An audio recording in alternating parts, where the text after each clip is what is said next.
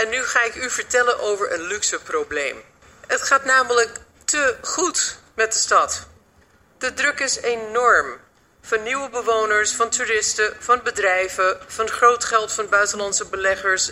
Na jaren stilstand in de crisis loopt het ons, en dan bedoel ik vooral Amsterdam, loopt het ons over de schoenen.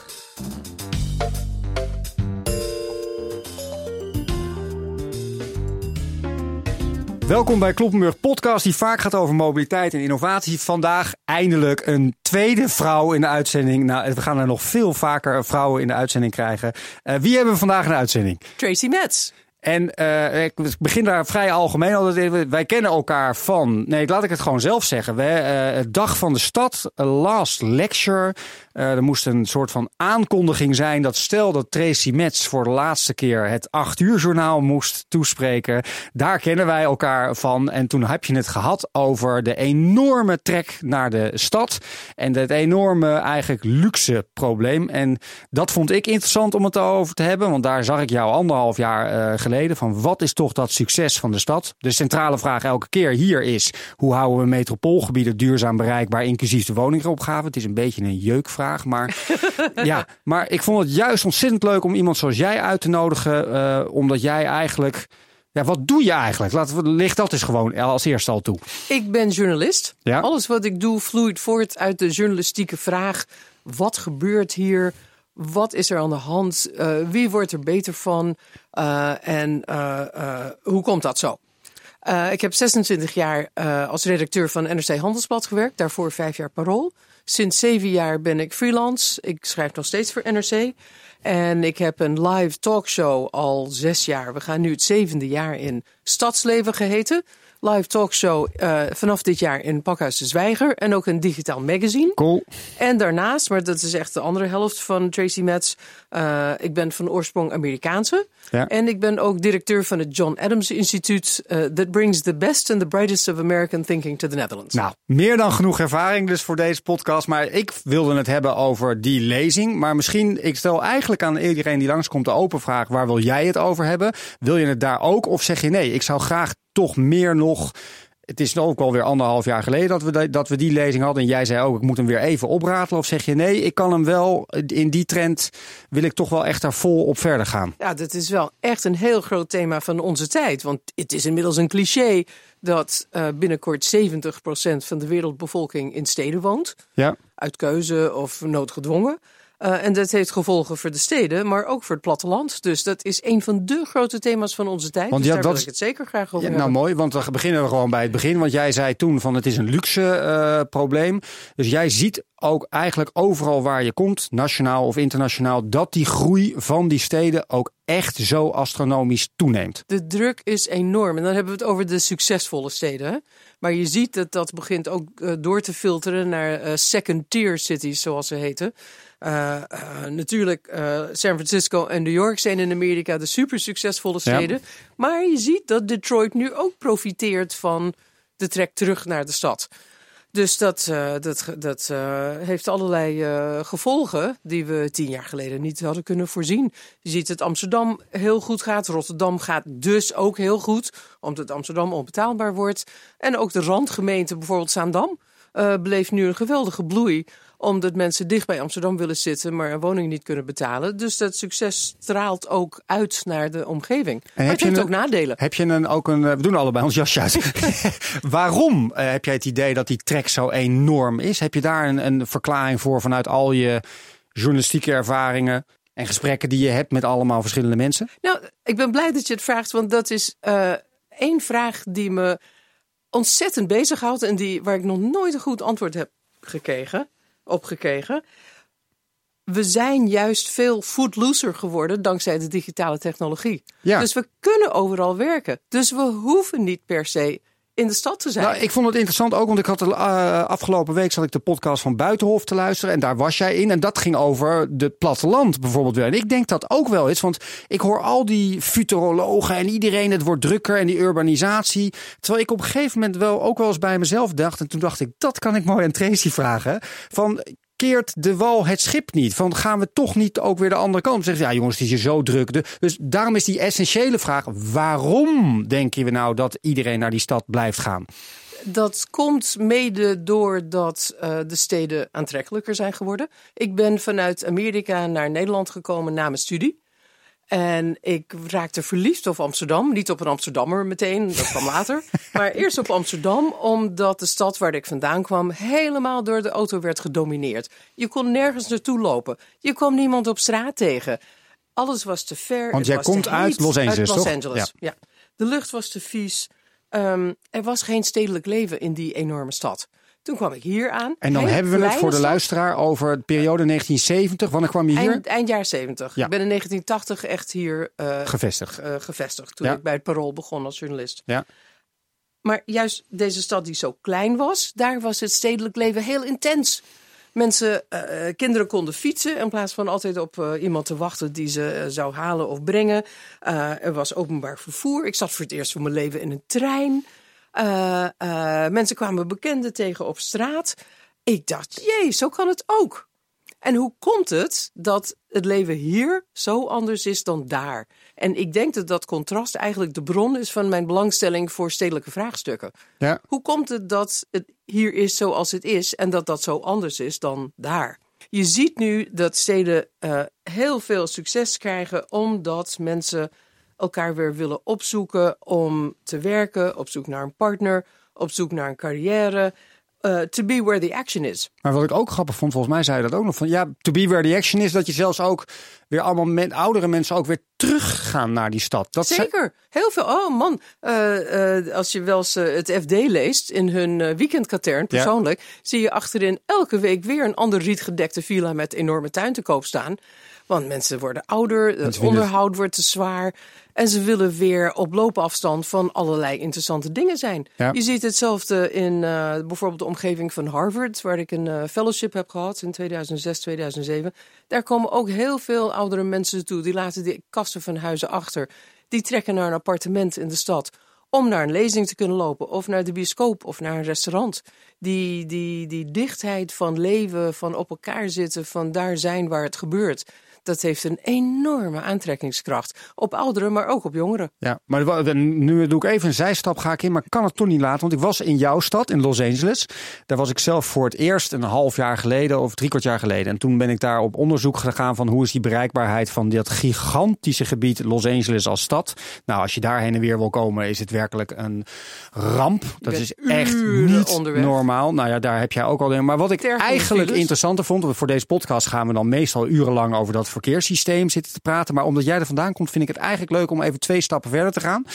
En dat is dat ik me de Uber-cultuur, zoals ik het noem, dat aan de ene kant in uh, Santa Monica iedereen op een yoga-ding zit. En dan heb je die andere, de Tesla-wereld. En aan de andere kant is die enorme, dat Skid Road, waarbij ze echt, ja, we moeten sustainable. Ik was echt in shock. Ja. Ik was niet een beetje in shock, maar dat ik dacht, ja, met hip en elektrisch. En het staat het is werkelijk die Ubercultuur. Het is als die bubbels zijn zo enorm hoog. En toen dacht ik, ik ga dit aan jou vragen van, is dit omdat ik dit gezien heb in 2,5 week? Of ervaar jij dit ook en zie jij dit ook vooral daar? En zie je dat ook overvliegen naar hier? Dat contrast tussen uh, de yoga en de Tesla's en Skid Row, dat is iets wat, ja, wat er eigenlijk altijd geweest is in Ja? Amerika. Daar wordt een enorme ongelijkheid veel meer geaccepteerd dan hier. Wij zijn uh, veel meer van uh, op zijn minst een, een, levensminimumstandaard en, en, en zorgen voor mensen die het moeilijk hebben. Nederland wordt ook, uh, is ook een neoliberale markteconomie geworden, dus dat is wel minder geworden. Maar de ongelijkheid is hier echt totaal niet vergelijkbaar. Nee, bij far niet. nee, maar, en ik kom erop omdat je toch ook uh, zei in die lezing, toen ik hem nog een keer terugluisterde, zei je, we hebben die overweldigende luxe die op die steden uh, afkomt, die enorme extra groei, maar het geeft ook nadelen. En ik kwam op dit thema omdat je ook zei, een van de nadelen natuurlijk veel meer toeristen, maar ook dat je dus die druk op die woningbouw en dan dus, ja, kan je er nog wel betalen om überhaupt? En krijg je nog wel genoeg diversiteit in die steden? Dat is denk ik uiteindelijk een van de belangrijkste punten. Toen ik naar Amsterdam kwam, was de stad echt. Nou man, de vellen hingen erbij. Het was zo shabby. Ja. Al die prachtige grachtenpanden. Ik dacht, oh, eeuwen historie. Ja. Nou, ze stonden allemaal in stutten. Niemand wilde daar wonen. Iedereen wilde in het groen in Almere of Purmerend of in een Ja, iedereen wilde die stad uit. Iedereen wilde de stad Ja, uit. ja. En nu maken we, is, de, is het helemaal omgeslagen. Nu maken we een tijd mee dat iedereen de stad in wil. De stad heeft ontzettend last van het eigen succes. Want het dreigt een enclave te worden voor rijke, oude, witte mensen. Ja. Eh, Amsterdam is echt onbetaalbaar geworden. En daar wordt de stad ontzettend saai en eenzijdig van. En je hebt kans dat ons succes eh, gaat ondergraven. Dat, dat bijt zichzelf in de staart. Dat zie je al denken, nou, oplossingen daarvoor? Want niet, het gaat het is ontzettend saai hier. Ja, maar zie je al zeg maar dus oplossingen daarvoor dat je zegt, nou in die gebieden, want het gaat wel vaak over hoe moeten we die woningbouw dan realiseren. Dan zeggen we vaak proberen dat dan in die steden en misschien de lucht in of niet. Maar zie je ook type woningen die die diversiteit in één keer er goed in regelen? Zie jij al voorbeelden of hier of elders in andere steden dat je zegt, daar is het goed geregeld? Ik zie heel veel voorbeelden hier. Kleine voorbeelden, maar er, zijn wel, er is wel heel veel innovatiekracht juist op het gebied van wonen in Nederland.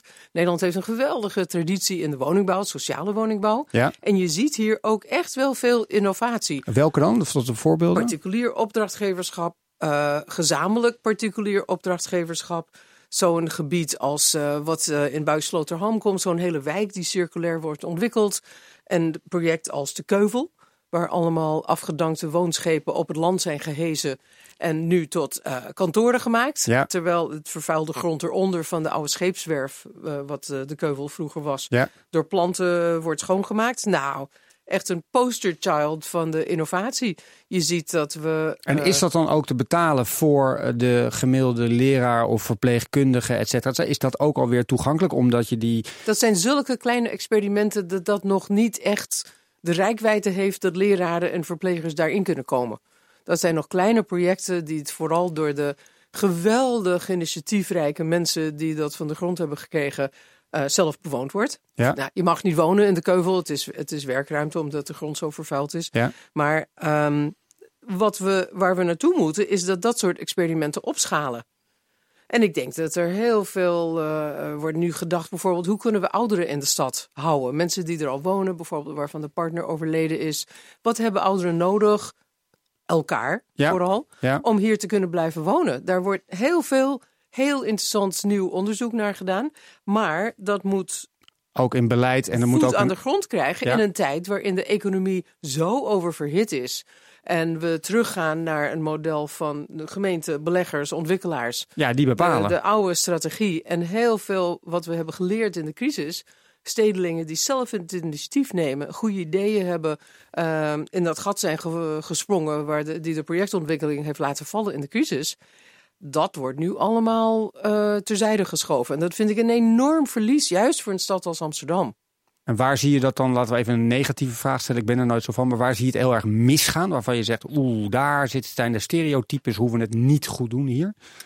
Nou, een wijk waar ik me een beetje zorgen over maak is de Sluisbuurt in Amsterdam. Ja, Eh, we hebben heel veel woningen nodig, dus we gaan heel erg de hoogte in. ja. En We hebben hier ook een podcast met Sjoerd Soeters over gemaakt een keer. nou dan weet je daar alles van. Ja. Wordt dat echt een leefbare buurt? Daar ben ik een beetje bezorgd over. Want juist de, de verscheidenheid aan woningtypes en ook aan bewoners Ja. zorgt ervoor dat een stad, stadswijk een levendige, afwisselende, leuke plek wordt.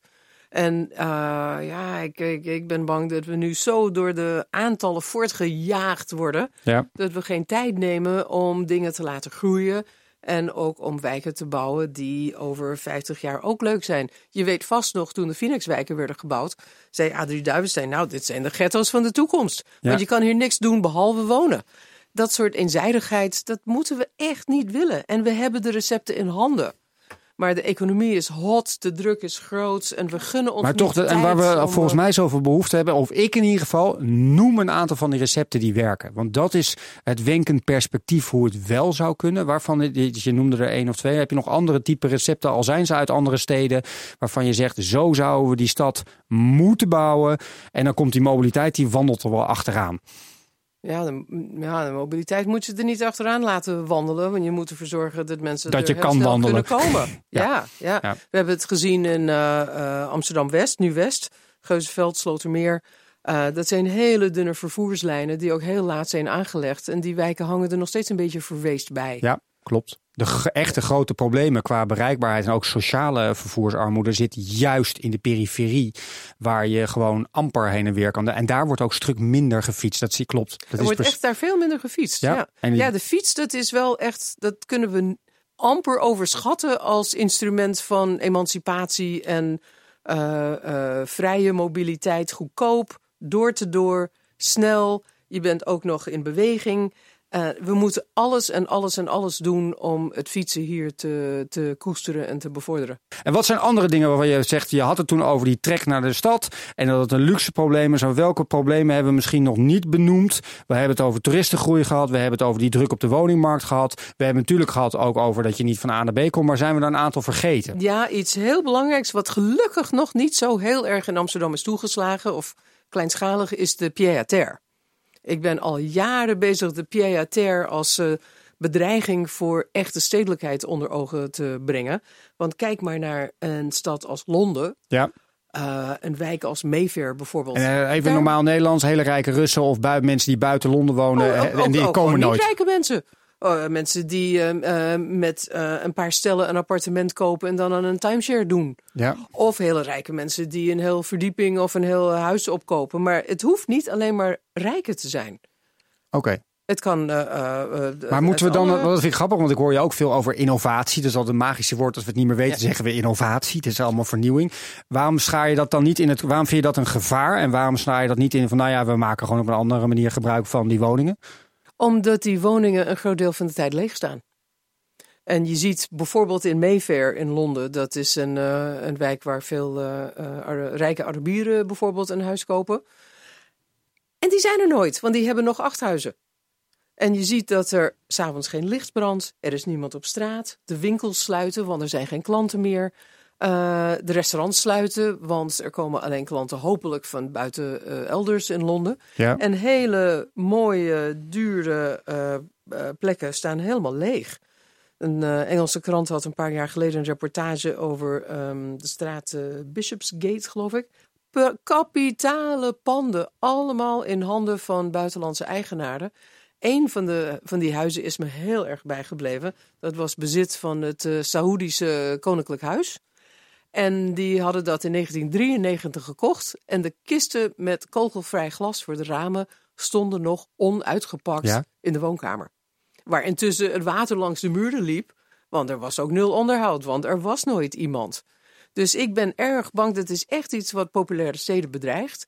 Mensen willen er zijn, die zijn er deel van de tijd. Die huizen staan leeg, de sociale cohesie, net als Airbnb. Ja. De sociale cohesie wordt aangetast, je kent je buren niet. Dat is echt heel slecht voor een stad als het uh, boven een bepaald kritiek niveau komt. Maar niemand weet waar dat kritieke niveau is. Nee, dat is het moeilijke. Waar leg je de grens? En je ziet het ook bijna niet. Je kan niet door de straat rijden en zien of iemand er nooit is of dat hij toevallig vanavond niet thuis is. Nee, en wat ik het rare vind, bijvoorbeeld van Airbnb, maar het gaat dus ook over een nieuwe manier waarop dus die panden gebruikt worden. Of nou Piet-à-terre of Airbnb, dan is het vrij standaard. Oh, dat moet allemaal weg. Eh, dat begrijp ik ook dat het niet te veel moet worden. Maar als ik merk hoeveel plezier ik zelf heb aan Airbnb. Als ik bijvoorbeeld naar Bilbao ga, zit ik liever in een Airbnb als hij niet te commercieel is. Dan kom ik een lokaal iemand tegen. Dan pak ik hem bewust wat verder uit de stad. Superleuk contact met de lokale bevolking. En die geeft me een fiets en die zegt je moet daar naartoe en daar naartoe. Wat ik nooit in zo'n empty space als een hotel krijg. Maar iedereen denkt altijd als ik zeg Airbnb dat ik fan ben van de totale roof die ze geven op een stad. Dat ben ik niet. Maar als klant vind ik het voor mij als consument heeft het in, brengt het een enorme behoefte soms naar boven toe dan in een enorm stinkend hotel in zo'n empty space waarbij ik zo'n kaartje in mijn handen krijg. Snap je wat ik bedoel? Je voelt je veel meer deel van de stad. Veel dat is meer. Heel fijn. Maar, uh, en dat het totale uitwassen jij heeft. Jij bent niet een van die twintigjarige uh, Italianen die met, die met een trolletje. En, uh, en dan om vijf uur s'nachts met keiharde muziek ja, op balkon gaan staan blowen en alle buren wakker houden. Maar zoals iemand het zo mooi zijn, we plannen hier alles in dit land. Nou, dat weet je nu misschien wel na 20, 25 jaar. Tot op de laatste hoeksteen. Dat het natuurlijk vrij uniek is. We kijken nu naar een groot pand achter ons bij de, uit de studio van BNR.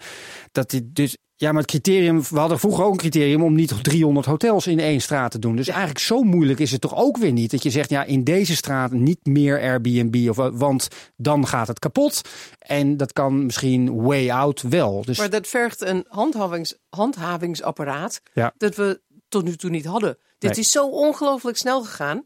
Ja. We zijn echt totaal overvallen en ook overvallen door de nare gevolgen ervan.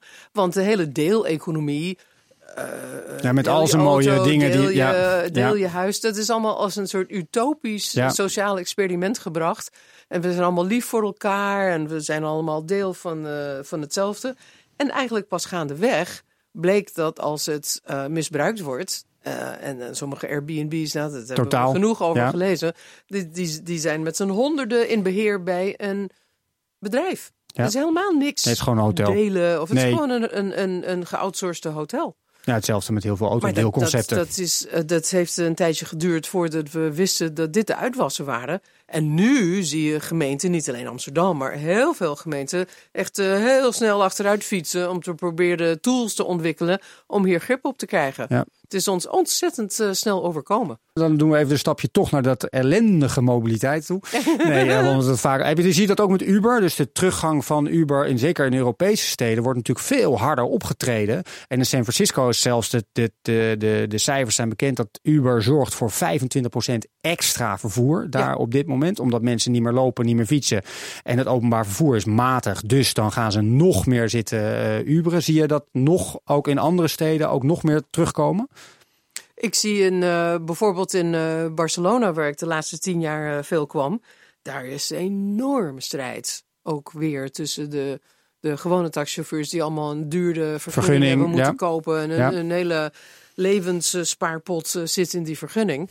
En dan komt zo'n Uber langs zij en die heeft helemaal geen vergunning en misschien niet eens eh, eh, ehm, straat, kennis van, van een stratenpatroon van Barcelona.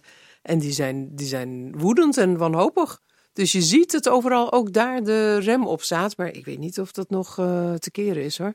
Nee, het zal op een gegeven moment, als het zo ver toeneemt, dan zal het wel moeten. Ook in Barcelona trouwens, wat ik grappig vond. Want jij hebt een eh, uitzending gemaakt eh, bij Stadsleven volgens mij. Dus waar ik toen ook heel eventjes was, over mobiliteit. Was hartstikke- dat voorbeeld wil ik behandelen van die superblocks in Barcelona. Hoe werkt dat? Dat is een heel mooi mobiliteitsverhaal. In de 19e eeuw is Barcelona enorm uitgebreid met de Ensanche. En dat is een grid met allemaal van die eh, afgeschuinde blokken. Ja, Het idee was eh, of dat de tram daar de bocht zou kunnen nemen, of dat je meer uitzicht en licht en lucht zou hebben. Prachtig idee van de stedenbouwkundige Verda. En eh, al die straten waren even toegankelijk voor verkeer. Er was eigenlijk geen verkeershierarchie in die hele Ensanche. ja. En nu wordt Barcelona gek van de auto's. Dus heeft de gemeente de Superblok bedacht. Of eigenlijk een adviesinstituut dat voor de gemeente werkt. En het idee is dat je 2 maal 2 van die blokken, dus 4 of 3 maal 3, 9 blokken, neem je dan als een superblok. Ja. En aan de binnenstraten van het superblok worden de auto's geweerd. Ja. Dat is dan wandelruimte of speeltuinen of tuinen of eh, eh, wat je maar wil. Een atletiekbaan in die superblok eh, waar wij. Ben je er zelf ook hebben. geweest, Ja, niet? ja, zeker een paar keer. Oh, ja. cool. Dus het verkeer wordt naar de randen van die superblok gedrukt. Ja. En de ruimte daarbinnen is voor de mensen die er wonen.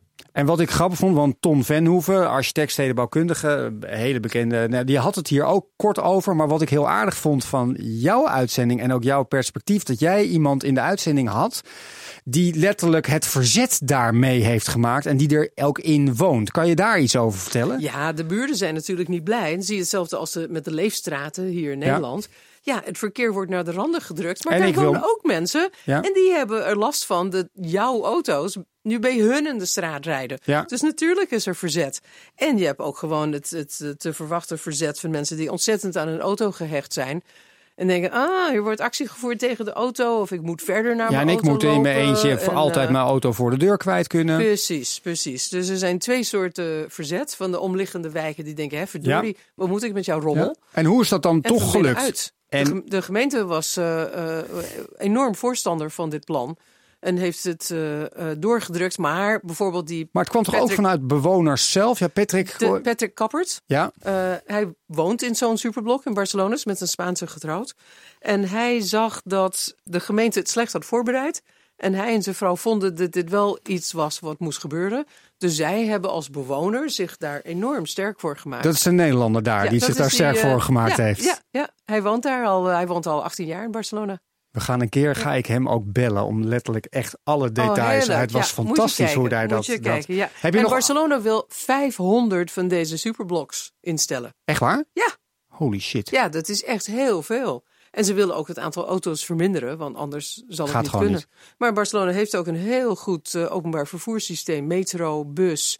En, er- en er Ja, dat bussysteem ben ik ook nog altijd verbaasd. Dat het, dat bussysteem echt heel goed. Zie jij nog Zegt andere voorbeelden? ja. Want je had toen in die uitzending stepjes en weet ik veel wat allemaal waarvan jij zelf enthousiast bent. Dat je denkt, hé, hey, dat zie ik zelf wel. Heb ik ergens gezien dat je denkt, hé, hey, dat is op mobiliteit in die en die steden waarvan ik zie dat dat die vernieuwing brengt. Heb je daar nog voorbeelden van? Nou, een paar voorbeelden. Je noemde net eh, mijn eigen geboortestad Los Angeles. Ehm, die heeft tegenwoordig light rail. Wie had dat voor Ja, mogelijk ongelooflijk hè, die gele en die blauwe lijn. Het is werkelijk het is, en, en ze worden goed gebruikt. Het is echt amazing. Dus er is vooruitgang. Nou ja, Eh, vooruitgang, mag ik daar even, dan ga ik als, ik heb zelf geschiedenis gestudeerd, dat die vooruitgang in de jaren 60, 70, hebben we hier ook wel eens behandeld, was Los Angeles een van de allerbeste steden In op de het jaren gebied. 20 zagen we de eerste trams. Ja, Een geweldig het is een soort van, het is niet eens zozeer vernieuwend, het is een soort van, ja, nou niet back to the future, hoe moet je dat goed zeggen? Jij, maar dat het, het is, ja, het is eigenlijk daar Maar die begonnen. tram is toen de nek omgedraaid door de auto-industrie. Ja, En nu komt het weer terug. Want we knappen toch een beetje af op de auto. We zien de gevolgen. En dat zie je overal, zelfs in een autostad als Los Angeles. Dat, dat vind ik echt heel daar ga je, erg ik zie je, mensen zien. kunnen je gezicht niet zien, maar je ik- glimlacht echt. dat vind ik echt heel leuk om te zien. En ik vind het heel leuk om te zien dat overal ter wereld nu de fiets ontdekt wordt. De, grootst mogel, de grootste fietsdeelprogramma ter wereld is Ja. in Los Angeles. Ja? Gevolgd daarna door Shanghai. Iedereen denkt dan, we moeten het behandelen, krijg je dan die Chinese strooifiets. Is dat dan aan de gang in die steden van onbeheerst deelfietssystemen die zomaar in een stad gerost worden? Nee, nee, dat heb ik eigenlijk alleen in China gezien. Ik heb het ook in Shanghai gezien, dat de stoepen vol Ja. staan met die... eh, Maar deze voorbeelden die jij geeft, dat je zegt, nee, helemaal niet. Dat gaat hartstikke nee. goed. Als je kijkt in de, naar de Velib in Parijs en de, de Boris Bikes in Londen, eh, de Bishing in Barcelona, dat gaat allemaal eh, behoorlijk beheerst toe. Ja. Maar het is nog niet echt een grootschalig eh, eh, gangbaar alternatief. Maar het is een begin. En mensen ontdekken het. En het is, zeker in Amerika, is het echt een eh, politiek onderwerp hoor. ja? Ja, enorm. Oh, het is echt een activistisch iets, dat fietsen in het verkeer. Maar dat is net En, zoals het hier op de Rozengracht ooit geweest is. Hè? En hier hebben we ook in deze stad heel hard in moeten grijpen om uiteindelijk die fiets terug op de agenda te krijgen. Ja, dat op, is, bij- op die, eh, in die editie van Stadsleven waar jij ook de gast was, was de laatste spreker van de avond Fred Verdes. En die vertelde, die heeft net een boek uit, de Fiet- eh, Fietsstad Amsterdam. En hij vertelde dat Amsterdam in de jaren 60, 70, 70. meen ik, Ja. afscheid had genomen van de fiets. Ja. Dat was een soort raar tussenmaat. Ja, wat moeten we ermee? We hebben de voetganger, en we hebben de auto en we hebben het eh, openbaar vervoer. Ja. ja, die fiets daartussen, die horzel, Nee, dat moeten we niet doen. dat moeten we niet doen. En dat, nou, achteraf is dat lachwekkend als je ziet dat Amsterdam nu zwaar inzet op dat fietsen met fietsstraten, verbeterde fietspaden, fietsgarages. Ongelooflijk. Ja, Zal het, zullen we meemaken dat de Amsterdammers een fiets in een fietsgarage Ja, als we dat nog een keer gaan meemaken, dan, dan nodig ik je meteen weer. Zijn er nog een soort van Jerry Springer Final Thought waarvan je denkt... ja, we behandelen nu de stad en we behandelen die enorme groei die op die steden... wat een luxe probleem is. Daar heb je een aantal van problemen van genoemd. We hebben een aantal voorbeelden hoe die mobiliteit volgens jou eh, goed geregeld zou kunnen. Zijn er nog een paar dingen waarvan je zegt... Nee, die moeten er echt nog in die podcast erin, want die heb ik gemist. Want ah, je beschouwt het als een luxe probleem met die urbanisatie... die inderdaad enorm toeneemt volgens jou. Maar denk je, we hebben genoeg tools om het op te lossen? Met name wat de woningbouw betreft, daar ben ik bezorgd over. Want de druk is ontzettend groot op Ja. de markt. Eh, er is ook heel veel geld in omloop. En dat we Dus megalomane beslissingen nemen. Om, om, om, om overhaaste beslissingen te nemen en wijken te maken die over 50 jaar eh, ja, het niet redden. Ik, ik, ik hoop dus echt dat het succes van de steden, ook wat de woningbouw betreft, eh, zich niet tegen ons gaat keren. En dat we nu eh, eh, straks dingen moeten slopen die nu allemaal overhaast worden gebouwd, omdat ze niet meer aan de vraag voldoen. Je ziet het bijvoorbeeld nu heel veel alleenstaanden in de stad wonen. Niet alleen jongeren, maar ook ouderen. Dat we heel veel hele kleine huizen gaan maken. Dat is de vraag van nu. Maar zijn die huizen zo bedacht dat je daar ook iets anders mee kan als de demografie gaat veranderen? Ja. We moeten langer vooruitdenken dan alleen maar de komende vijf jaar. En ja, de druk is groot, maar er is geld. Er is een sterke traditie van slimme, uh, duurzame woningen bouwen. En duurzaam ook in de tijd. En vind je, wat vind jij echt vernieuwende denkers daarop? Dat je zegt, ja, daar zou je misschien met je instituut waar je op zit, dat je zegt, nou, die ik vind Ton Venhoeven altijd wel echt een redelijk mhm. vernieuwende uh, denker die ook probeert die inclusieve stad te maken. Maar heb jij voorbeelden waarvan je zegt, nou daar zouden we nog meer naar kunnen of moeten luisteren? Nou, er is een bureau in Amsterdam dat heel veel doet op dit gebied. Uh, Heren 5 van uh, Bas Liesker en zijn collega's. En zij waren ook de bedenkers van het uh, Funda-huis. Uh, miljoen, ik geloof 4 miljoen unieke bezoekers op Funda elke dag. En die hebben al die wensen geïnventariseerd van mensen op Funda. Iedereen wil een kasteel en eindigt in een rijtjeshuis. Nou ja. Maar doe maar even, want ik ben gefascineerd over het laatste. Maar we gaan eindigen met dit Funda-huis. Ja. Wordt misschien wel de kop van de, van, de, van de podcast. We zien het wel. Maar wat is dat Funda-huis? Ik ken het helemaal niet. Het Funda-huis is een nieuw ontwerp ja? voor een rijtjeshuis. Ja? Maar dan helemaal gevoed, geïnspireerd door de wensen van mensen die op Funda rondkijken. Wat grappig. Iedereen komt in een rijtjeshuis, want dat is En ik ken het niet. Waar kan ik dat zien? Kan ik er nu naartoe fietsen zo of niet? Nee, nee. Het is, het is een, uh, het is een uh, ontwerp. ontwerp. Een, uh, eigenlijk een, een denkoefening. Ja. Maar dat heeft hij heel leuk gedaan. Hij heeft ook heel veel onderzoek gedaan naar bijvoorbeeld hoe kunnen we ouderen in de stad houden. Wat hebben ze nodig om in de stad te kunnen blijven En niet leven. dat het alleen maar juppen... En, en ook onderzoek naar gezinnen in de stad. Want dat is de groep die nu er tussenuit dreigt te worden geperst omdat ze niet door kunnen naar nog een kamer erbij als er een nieuw kind komt bijvoorbeeld. Ja, maar dat is natuurlijk wel zo oud als de weg naar Rome. Geldt ook voor mij dat ik die stad uit ben gegaan. Twaalf jaar hier gewoond met heel veel plezier. Maar dan is gewoon die optie. Maar die is wel al zo een beetje ook zo, zo oud als de weg naar Rome. Om die gezinnen hier te houden.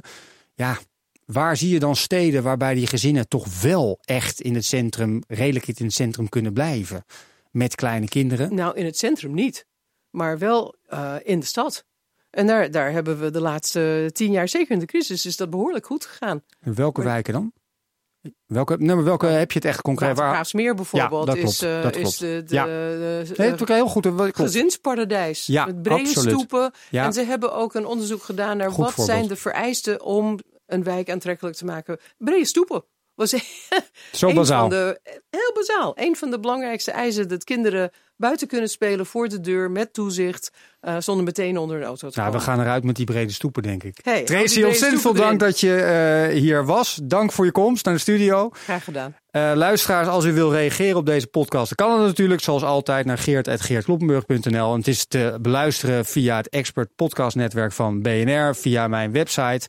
En ik vond het eigenlijk ontzettend aardig dat je hier was met om weer zo'n Tracy om een andere point of view te geven dan alleen maar over treintjes en, en over autootjes en over fietsen. We hebben het er natuurlijk wel een beetje over gehad. Dank voor je komst. Graag gedaan. Dankjewel, Geert.